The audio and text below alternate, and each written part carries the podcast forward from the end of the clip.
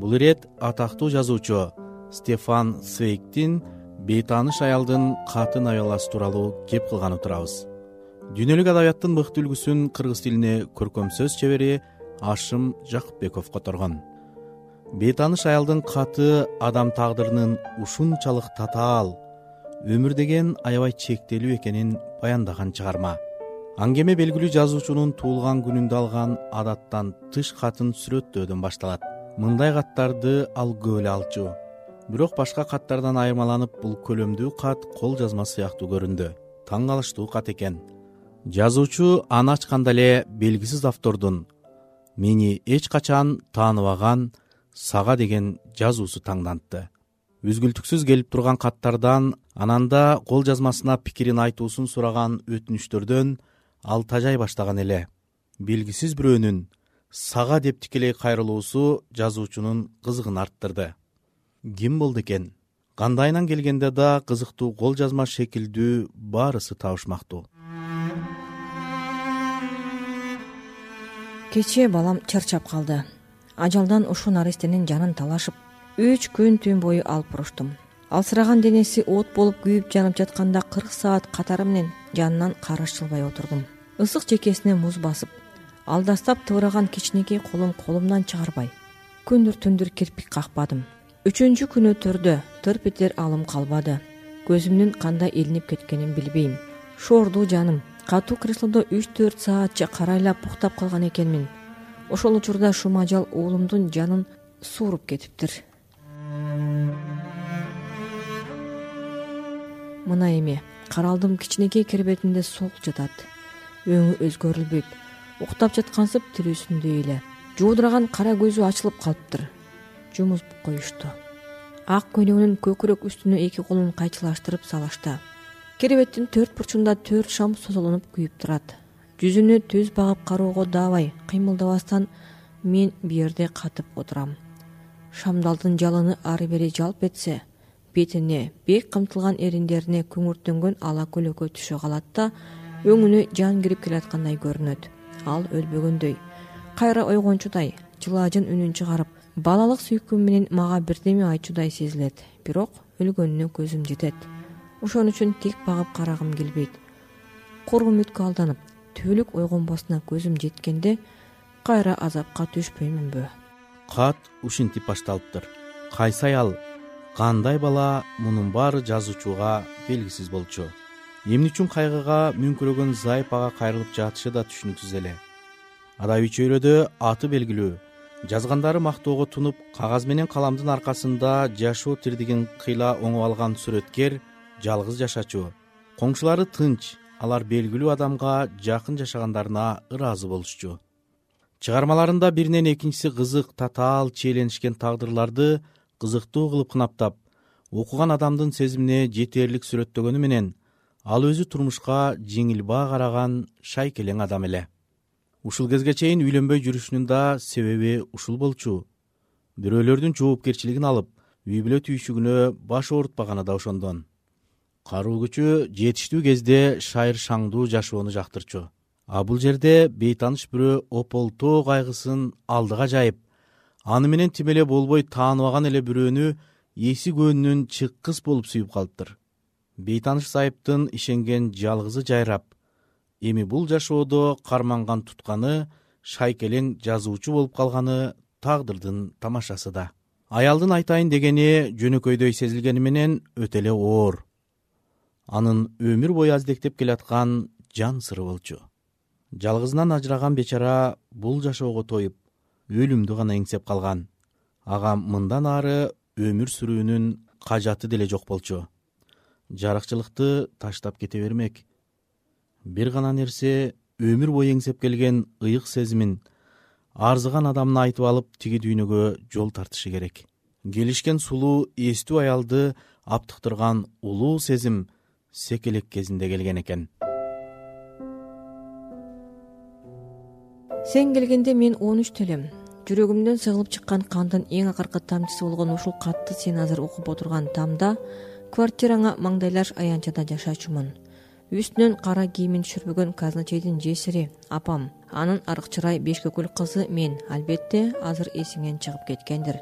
Мишандык жарды тиричиликтен туткунунда тумчуккандай биз эч шаан шөкөтсүз тынч жашачубуз. Сен биздин аты жөнүбүздү деле укпаган болушуң керек. Анткени эшигибизде жазуу жок эле. Анын үстүнө биздикине киши кара каттачу эмес. Ал жайыбызды сурап эч ким кирчү эмес бул окуя мындан он беш он алты жыл мурда болгон. Ырас жаным алардын бири да эсиңде жок. А менчи о ал күндөр ийне жибине чейин күнү бүгүнкүдөй көз алдымда. Аты жөнүңдү биринчи уккан күн анан сени биринчи жолу көргөн күн саатынан бери эсимде. Дүйнө менин көзүмө обол ошондо көрүнсө кантип унутайын?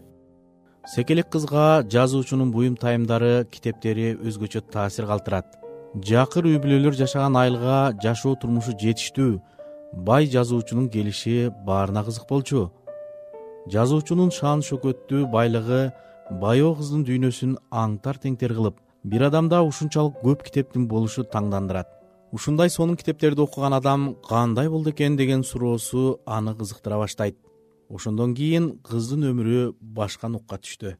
Жазуучуга деген сүйүү аны бактыга бөлөп азапка салып бул жашоо турмуштагы башка нерселердин баары эч нерсеге арзыбаган бир нерсеге айланды да калды.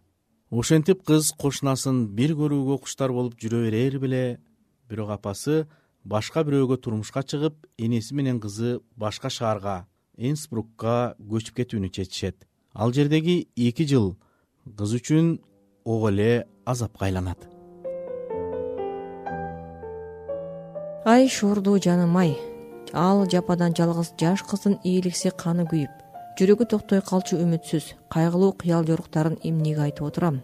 Эч качан сезбеген билбеген кишиге акын баарын айтканда эмне? Баса ал кезде мен чын эле бойго жете элек белем. Он жетиге толдум анан он сегизге аттадым. Көчөгө чыксам бозойлор сыртыман көз салышчу. Ага кыжырым кайнайт. Себеби сен эмес бөлөктү сүйүү же жөн эле ойлоо мен үчүн эч мүмкүн эместей. Акылга жеткис жат атүгүл кичине эле азгырлуу дагы. Тунук сүйүүмдү төшкө тепкендей болуп көрүнөт. Сени сүйгөндөн танбадым бирок денемде ал сүйүү башкача боло баштады. Жаңы сезим ойгондо ал сезим алоолоп күч алып жан жыргалын эңсеткен аялдык сезимге айланды. Ошентип бир кезде өзүнө түшүнүксүз күңүрт максатка ээрчип эшигиңдин коңгуроосун каккан кичинекей кызга эми үч уктаса түшүнө кирбеген эңсөө пайда болду. Өзүмдү өзүңө тартуу кылсам тумсак денемдин жалынын сага берсем деген ой бирден бир максатым кумарым болуп калды. Бойго жеткен бийкеч кайра венага келип кийим саткан дүкөнгө сатуучу болуп иштемей болду. Борбор калаага келер замат балалыгы калган үйгө жазуучуну көрүүгө ашыкканын айт. Эшик алдына келип чарчагыча күтүп ашыгынын үйүндөгү чырагы өчкөндө гана жатаар жайына кетти. Ошондон кийин күн сайын жазуучунун үйүнүн алдына келип күтүп турмайды өнөкөт кылып алды. Жазуучу акыры кошуна жашаган кызды көрдү. Бирок тааныган жок. Акыры экөө кездешти. Кыз жазуучунун үйүндө түнөп кетти. Экөөнүн жолугушууларынын натыйжасы төрөлгөн бала болчу. Жазуучу атасына окшош көздөрү бажырайган жакшынакай бала кыздын кийинки тагдыр жолун көрккө бөлөп жашоосуна көрк берип турмак. Жалгыз уулун ал кандай азап менен бакканы наристесинин биринчи басканы күлгөнү анын турмушундагы өзгөчө бир бакыт болчу уулум мыкты окуучу французча суудай сүйлөөчү классташтарынын ичинде дептерлерин андай тыккан кармаган бир бала жок эле. Анан калса кара баркыт костюмун же матроскасын кийип алгандачы кайда жүрбөсүн көргөндөрдүн назарын буруп эң эле сүйгөнчүк татынакай болуп калар эле. Кээде бойтуңдотуп ээрчитип алып градада деңиз кылалап басып калганымда сейилдеп жүргөн аялдар атайын токтой калып ак саргыл чачынан сылап эркелетишер эле. Же земерингде чана тээп жүрсө тегеректегилер артынан узата карап шыпшынып турушчу уулуң өтө сүйгөнчүк өтө назик өтө жароокер болуп чоңоюп келаткан. Ушул баланы эч нерседен кемчил кылбай чоңойтуш үчүн ал эмнелерди гана жасабады? Денесин сатты а бир уятына да карабады бир адам үчүн баарына барды. Он бир жылдык өмүрү күтүү менен өттү. Канча байлар артынан чуркагандарга макул болбой жазуучу чакырып калабы деген илгери үмүт менен жашады. Жыл сайын сүйгөнүнүн туулган күнүндө жалаң ак розалардан букет гүл жөнөтүп турчу. Экөөнүн сейрек жолугушууларынын биринде да ал кучагындагы кыз ушул үйдөгү кошуна кыз экенин аны менен бир нече ирет жолукканын эстей албады мына азыр чын дилинен агылып төгүлүп баласынын табытынын жанында соңку катын жазып жаткан аялдын арманы шайкелең жазуучунун туулган күнүндө ага унутпай ак розаларды ким жөнөтүп турат суроосу болгон экен. Катты бүткөндөн кийин жазуучу коңшу батирдеги секелекти кийин бир да жолу жок дебей чакырган учурунда келип турган сулуу аялды эстей албады. Баары өңүндө эмес түшүндө гана болгондой бир да учур эсине түшпөдү. Ошентип байкоосуз отуруп стол үстүндөгү вазага көзү түшө калды. Ваза бош турат. Көп жылдардан бери туулган күнүндө гүл туруучу ваза бүгүн бош. Селт этип чоочуп кетти. Эшик ачыла бергендей болуп тынч бөлмөнүн ичине башка дүйнөнүн көрдүн суук шамалы сокконсуп жазуучунун азап ою дүркүрөдү.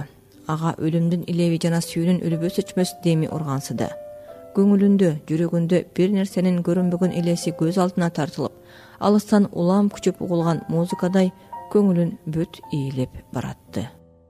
Жазуучу аялдын улуу сезимин түшүнүшү мүмкүн эмес эле. Өз жыргалын гана ойлогон адам эч качан улуулукту сезе албайт.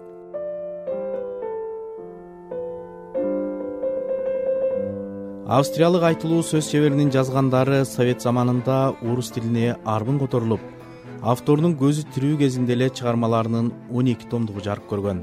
Ага совет адабиятынын баштоочусу максим горький баш сөз жазып стефан свейгти психологиялык сүрөттөөнүн чебери катары сыпаттаган аркылуу адам тагдырларын кара сөзгө ыктуу көчүрө алган жазуучу экенин баса көрсөткөн. Жогоруда сөз болгон бейтааныш аялдын катаң кемеси бир миң тогуз жүз жыйырма экинчи жылы жарык көргөн.